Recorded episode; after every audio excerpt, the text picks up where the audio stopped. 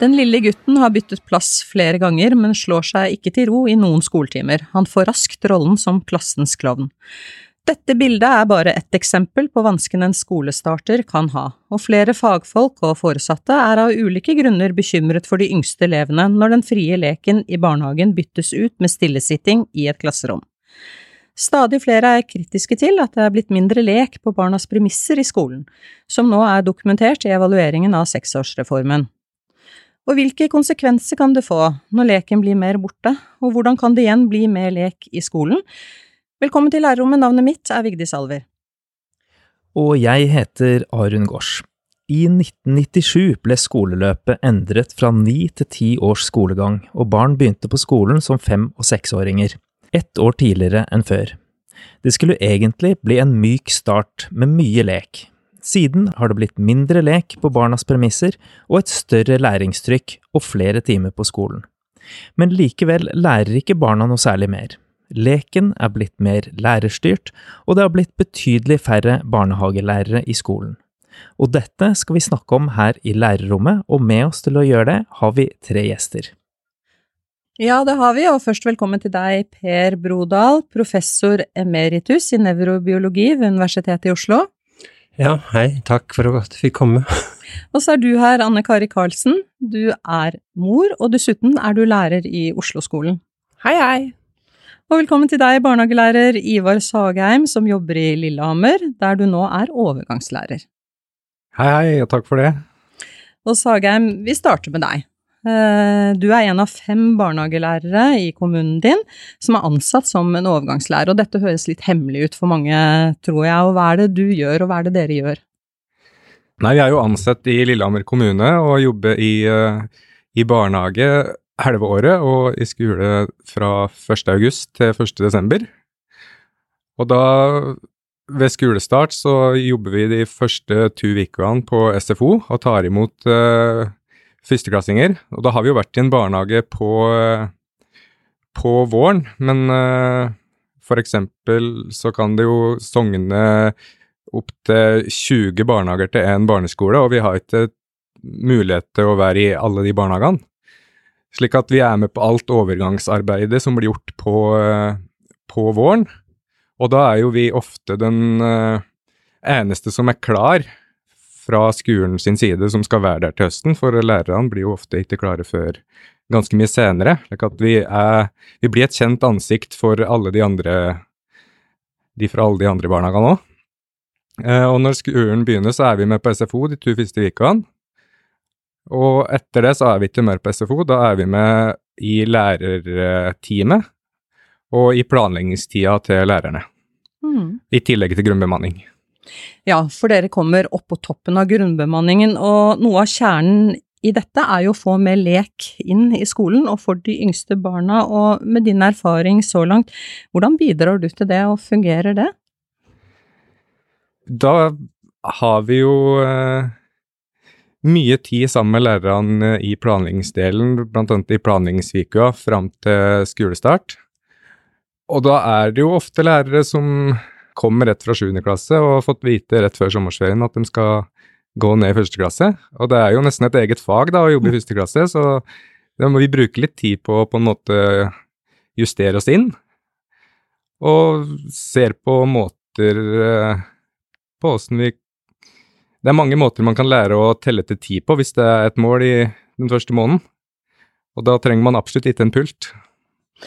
Og så vet jeg at du har med deg noen praksiseksempler, og kunne du fortalt oss om et eksempel? Ja, jeg har et eksempel fra en skole i Lillehammer som eh, der læreren og overgangslæreren ble enige om å starte hver skoledag med en time, time lek. Så etter at morgen-SFO var ferdig og det ringte inn, så var lærer og overgangslærer i klasserommet. Og barna kom inn og kledde av seg og sa god morgen. Og så var det rett og slett frilek eh, på, i klasserommet og på grupperommet eh, den første timen. Og da har jo både overgangslæreren og læreren store muligheter til å snakke med hver enkelt og bearbeide inntrykk og og elevene finner en slags ro og, og kommer til noe de er vant til, da. og får lekt litt ifra seg den første timen. Og så, eh, når det har gått ca. en time, så er det en samlingsstund og fruktpause og friminutt. Og så ringer de inn, og da er det en, en skoletime, men ofte stasjonsbasert, da. Og da har det gått eh, ganske mange timer av dagen uten at man på en måte har vært i tradisjonell klasseromundervisning, da. Eh, Karlsen, jeg vil over til deg nå, jeg. Eh, du har skrevet flere kronikker om lek i skolen. Eh, du har også ikke minst erfaring fra skolestart for egne barn. Hva syns du har vært vanskelig med skolestart og førsteklasse når det gjelder lek for de minste barna? Da min eldstemann begynte på skolen, så ble jeg først litt overrasket over hvor lite lek det viste seg å være. Altså, som lærer så har jeg ikke hatt første sjøl, men har liksom fått med meg at, um, at det har vært en utvikling der leken har blitt mindre og mindre prioritert. Men når jeg da så det som mor, så ble jeg faktisk litt sjokkert. Det fantes ikke, nesten ikke leker på klasserommet, og Um, ja, eh, bordene og stolene var jo stilt opp tett i tett, og nesten ikke plass til å røre seg eh, på det klasserommet eh, en lærer som har ansvar for veldig mange barn alene. Da er det ikke så lett å, å kanskje finne på så mye sprell heller. Um, så ja, da har jeg som mor da tatt initiativ til å kanskje samle inn leker og til lekekasser, og lærerne har stort sett vært veldig positive til det. De har jo gjerne ønsket å, å drive mer med det, men på en måte føler at man kanskje også er litt sånn må gjøre det som forventes. Og, men hvis foreldrene viser engasjement for lek, så blir de gjerne litt takknemlige for det. Hva, hva, tenker du når du hører om det Sagheim her eh, driver med, hva tenker du om den type jobbing? Jeg syns det er kjempebra. Eh, eh, altså, det trengs noen som har mye kompetanse på lek eh, i mm. første, og som han sier, det er jo folk fra sjuende, eh, lærere fra sjuende, som har kanskje den innstillingen at eh, nå skal vi kjøre på med mest mulig fag før eh, man begynner i ungdomsskolen, og, og, på en måte er i den modusen, ikke sant. Så kommer du ned til første, og så skal du egentlig da kanskje egentlig trekke deg litt tilbake og la barna få ja, blomstre litt på en annen måte, da. Og, um, og, det å på en måte ha den forståelsen av hvor viktig lek er, um, det jeg tror det er viktig at det kommer inn også noen andre utenfra.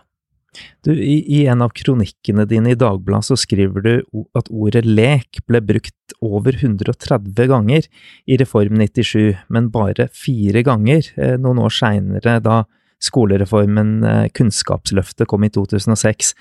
Den innførte jo ganske mange endringer i skolen, og du mener at det har skjedd et løftebrudd et eller annet sted på veien her. Kan du fortelle litt om det?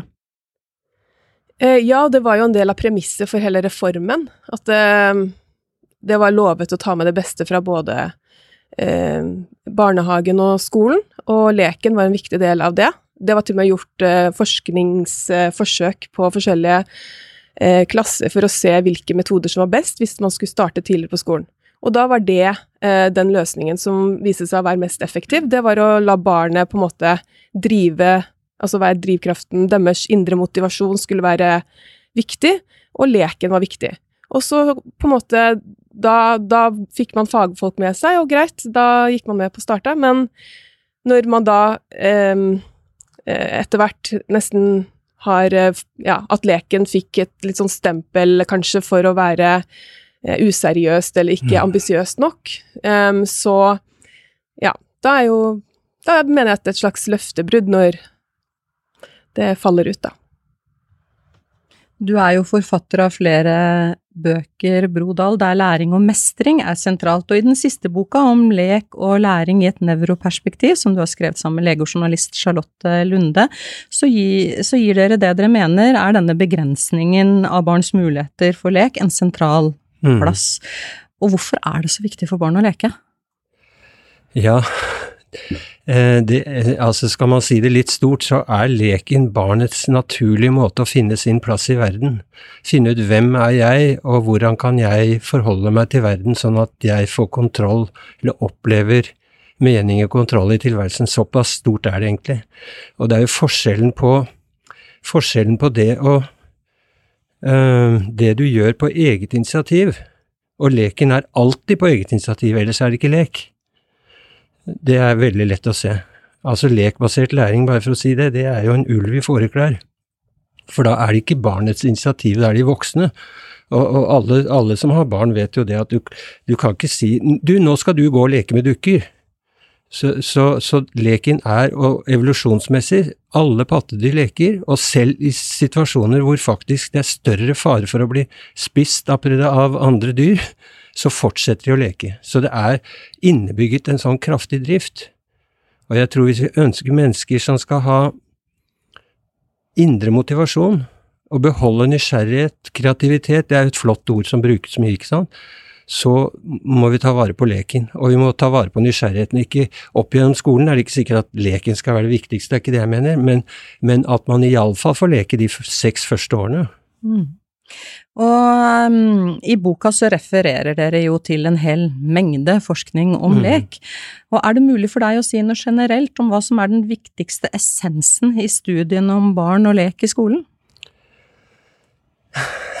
ja, altså eh, jeg, jeg, Som hjerneforsker så, så, blir jeg gjerne spurt om hvorfor er, er, er lek viktig for hjernen. Uh, og på en måte kan man uh, snu på det, men, men det er, hjerneforskning understøtter veldig de grunnleggende prinsippene for hvordan man lærer. Og da blir leken åpenbart Altså bare en sånn ting som Problemet med skolen er jo at den er svar på spørsmål du ikke har stilt. Ikke sant? De kommer til skolen, de, de barna har ikke de helt andre spørsmål i hodet enn det læreren kommer med. Det, det er et, et problem. men uh, så, så, hele poenget må være å snu det til mest mulig, da. At uh, man får opp spørsmål først. Og da må man ta vare på den naturlige nysgjerrigheten og prøve å ta ting derfra. Og da vet vi hvordan hjernen fungerer, at det er Da blir det mening. Det du, det du, det du blir stilt overfor, må gi mening. Det har med meg å gjøre. Og det ser vi på nervecellenivå. Hvordan hvis nerveceller skal huske å lære, så må det faktisk komme et signal det læreren sier, som er et eller annet fakta, og, og som læreren tror er kjempeviktig, men det blir ikke husket, for det kommer ikke et signal som sier at 'dette har noe med meg å gjøre'.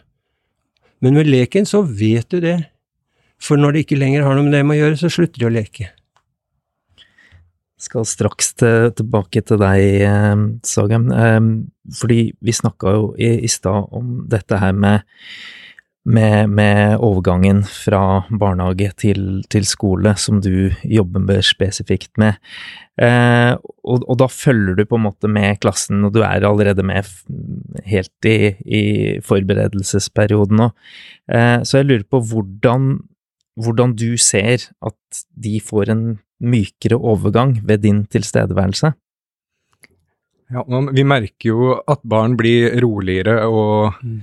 og har en mye mer naturlig tilnærming til, til omgivelsen, da, når de får utforske mm. og stimulert utforskertrangen sin og får varierte aktiviteter og, mm. og på en måte Du sa at lekbasert læring var en uh, ulv i fåreklær, men det er jo på en måte gjennom gjennom lek at læringen skjer, da. Så hvis mm. det på en måte er utgangspunktet, så, så har vi kommet langt, tenker jeg. Ser du det skje eh, i din eh, praksis? Ja, absolutt.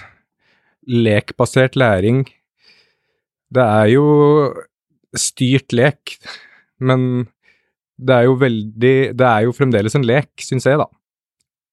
Uh, Sjøl om det krever i tillegg en friere lek, så er det en lettere, en mer engasjerende og motiverende for barn å finne fram til egne løsninger sjøl, og f.eks.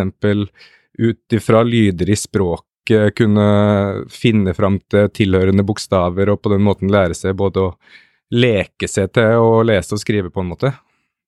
Du, vi, vi snakket jo litt om det innledningsvis. Det har jo blitt betydelig færre barnehagelærere i skolen. Eh, tror du at flere barnehagelærere inn i klasserommene kan sikre mer lek i skolen? Ja, uten tvil.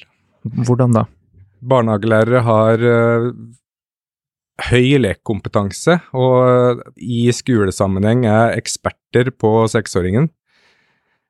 Uh, det handler om blikk, og skolen og lærerne har sitt blikk, og det er på ingen måte feil, men jeg tror begge har mye å lære av hverandre. Ja. Ja, Karlsen, jeg har lyst til å høre litt mer om hvilken respons du får fra andre lærere når du både som lærer og mor sjøl eh, har tatt opp dette med mindre lek, og at den bør prioriteres mer. Ja, altså det var jo helt overveldende eh, respons da jeg diskuterte det mer før, da, eh, sånn, da den debatten her kom opp. Så eh, så mange som kjente seg igjen, men jeg tror mange på en måte hadde gitt litt opp eh, den tanken på at det kunne gjøres noe med det. Det var på en måte Disse reformene var kommet for å bli, og sånn skulle det på en måte være. Men når foreldrestemmen også kom, eh, og at foreldre begynte å kreve det, da begynte politikerne å på en måte lytte litt mer, da. Så, og veldig mange foreldre bare ble kanskje litt også overrasket over at å, er det eh, Å ja, stemmer det ikke det som vi ble lovet den gangen? Og så på en måte var veldig nysgjerrig og ville høre. Eh, så Og, og jeg, mitt inntrykk er at det er liksom den store flertallet, virker det som, av foreldre ønsker at det er eh, mer tilrettelagt for førsteklassingene. Ja, tenker du at det er for mange krav til læring i første klasse, og tror du at eh, mindre lek i klasserommet også kan forklares med det, at lærere rett og slett kan bli litt stressa av det? Ja, altså det, de målene for første klasse gjelder jo egentlig ikke Eller de skal ikke være oppnådd før etter andre trinn, egentlig, men um, samtidig så er det jo en del sånn Det var jo mange lokale mål, spesielt etter uh, da den Kunnskapsløftet ble skrevet, så skulle alle lage sine lokale mål i tillegg. Og det har på en måte blitt hengende veldig i at, at man skulle lære å lese f.eks. før jul. Det var ofte et mål. Og en av grunnene til det var fordi man skulle ha kartleggingsprøver på våren. Og det ser man også etter evalueringen nå, at veldig mange lærere sier at det er en av de tingene man kjenner på er stressende, at det henger over en. At man, man klarer nesten ikke å svare på den kartleggingsprøven i det hele tatt hvis man ikke kan å lese. Og da får du jo veldig mange under kritisk grense som egentlig kanskje ikke burde være eh, skal, Som ikke har egentlig noen leseproblemer. Men derfor så eh, Det er på en måte veldig mye du skal ha gjort, da. Så det blir litt eh, Men den, de kartleggingsprøvene er jo i seg selv ment for å bare eh, De er jo positive i seg selv, men kanskje burde de vært flyttet til andre, tenker jeg. Mm. Har du sett eller hørt om eller erfart sjøl at disse læringsmålene da, i såpass tidlig alder at det gjør noe med ungene? Kan du påvirke f.eks. utenforskap, at noen faller utafor læringsmiljøet generelt? Kan du bare dele litt av erfaringer du har, og det du har hørt? Ja, altså um, på timeplaner så vil man jo typisk se at det står ukens mål ikke sant, i alle fag, og det er ganske ambisiøse mål for førsteklassinger, syns jeg, da. Uh, og da er det litt sånn Barn lærer kanskje ting i litt ulikt tempo, og dette er ting som skal være oppnådd etter andre eh, trinn, mens det her er en forventning da, eh, eller veldig mange klasser, om at du skal oppnå disse målene samtidig i løpet av den uka, og da vil mange sitte igjen med en følelse av at jeg ikke mestrer. Så jeg tror veldig mange har dårlig, altså lite mestringsfølelse i første klasse, og veldig mange har jeg hørt, eh, både barn og voksne fortelle, eh, at eh, de blir skolelei etter noen uker, fordi er, de føler allerede at oi, dette var ikke dette var slitsomt. ja. Eh, du kom litt inn på det i stad, Brodal, men jeg vil gjerne gå litt, litt mer inn på det. Altså, hva, hva, betyr lek for læring og lærelyst? Ja, altså øh, Må jo ikke misforstå meg dit at ikke, læring, at ikke lek har med læring å gjøre. Det er bare at barna vet ikke, heldigvis. De har ikke skjønt det. De gjør det ut av pur glede og interesse. Ehm, så, så, så, du kan godt si at eh, eller at uh, leken er barnets foretrukne læringsform for å lære om seg selv og verden og finne ut av ting. Det er helt utvilsomt, og du ser på den driften. Og du hører jo for eksempel en femåring som har vært sammen med de voksne hele dagen med morsomme ting og det, det ene og det andre, og så spør de pent på slutten av dagen kan vi få leke nå? For det er det som er deres. Og da det, og, og det er jo et paradoks, da. At vi Det som så åpenbart, også ut fra evolusjon, hjerneforskning, all erfaring, er barnas beste måte å lære om seg selv og verden på, den har vi begrenset så til de grader. Vi har tatt bort ett år av barndommen, for å sette det på spissen, med, med seksårsreformen. Du kan alltid pynte litt på kaka med å få inn litt lek og litt sånt, og det blir bedre, for all del, men, men det, jeg mener de skulle vært i barnehagen det sjette året. Det er det de skulle vært. Urolige elever kan bli forklart med blant annet eh, lærevansker. Hvordan kommer leken inn i bildet her? Ja, altså det er noe med det du var inne på om, om oppleve mestring, oppleve at jeg får til noe. Altså et lite barn som opplever at eh, For det er noe med um, Hvis vi tenker på en sånn en, en, trapp som det skal opp, og skolegangen er en slags trapp da, kanskje. Og det første trinnet, dessverre, det ble laget så høyt at den lille ungen som var født i desember, Uh, han kom, har ikke sjans, eller hun har ikke sjans til å komme opp. Og da prøver man og prøver man. Noen prøver mange ganger, noen prøver bare noen få, og så gir man opp. Og da skjer det ting med hele systemet som ligner veldig mye på det som skjer når man blir deprimert, rett og slett. Og du mister initiativ. For hvorfor skal jeg, hvorfor, hva, er vitsen med å prøve når jeg ikke får det til? Og det jeg får er kanskje bare dårlige tilbakemeldinger, og, og, og, og, sånn som enkelte barn som kommer hjem og forteller 'mamma, jeg er dum', jeg. Da, da er det jo snakk om overgrep, altså, overfor barn. Det, det, er mange triste og, og, og, ganske nedstemmende historier i forhold til dette her, men hvis vi snur litt på dette her, Eh, hva med barna som har lengtet etter skole og lekser og er veldig lei av barnehagen? Eh, er ikke skolens fokus på teoretisk læring gunstig for dem? Jo, det kan hende, og, og, men det må kunne gå an å tilrettelegge på en sånn måte. og Jeg, jeg tviler på at seksåringer egentlig Altså hvis de er lei av å leke, da må de ha vært i et underlig miljø, altså. Det må jeg si. Ærlig talt. Men det, det som jo er en bekymring nå, er, og jeg vet ikke om det er riktig, men noen sier av de som har med de i første klasse å gjøre, at de har dårligere lekekompetanse enn de hadde før. Det vet jeg ikke om er riktig, men hvis det er sant, så er det veldig alvorlig. For da må vi begynne å Hva betyr dårligere lekekompetanse? Ja, at de faktisk når, Altså, for, for det med lekbasert læring og sånn, altså jeg mener, det, det, er ikke det at ikke man Førskolelæreren eller barnehagelæreren har selvfølgelig en tanke om retningen ting skal gå, og du legger til rette for det. Du legger ikke frem 15 maskingevær hvis du egentlig ønsker å trene dem i å tenke sosial interaksjon. men, så, men, forskjellen er å legge til rette, og så velge barna selv. Og så utvikle seg ut fra det. Ja. Ja, det er mye å si om det her, og um, Sagheim, eh, som barnehagelærer så har jo du virkelig eh, en god kompetanseopplæring i, i lek og lekens vesen.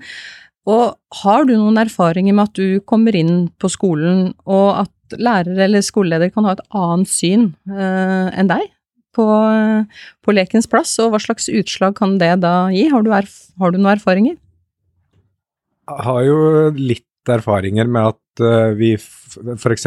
kan uh, foreslå Jeg har f.eks. snakka om i stad om at vi skal sitte på plassen vår og telle til ti sammen i en time, eller en skole, skoleøkt, da, for seksåringer den første måneden.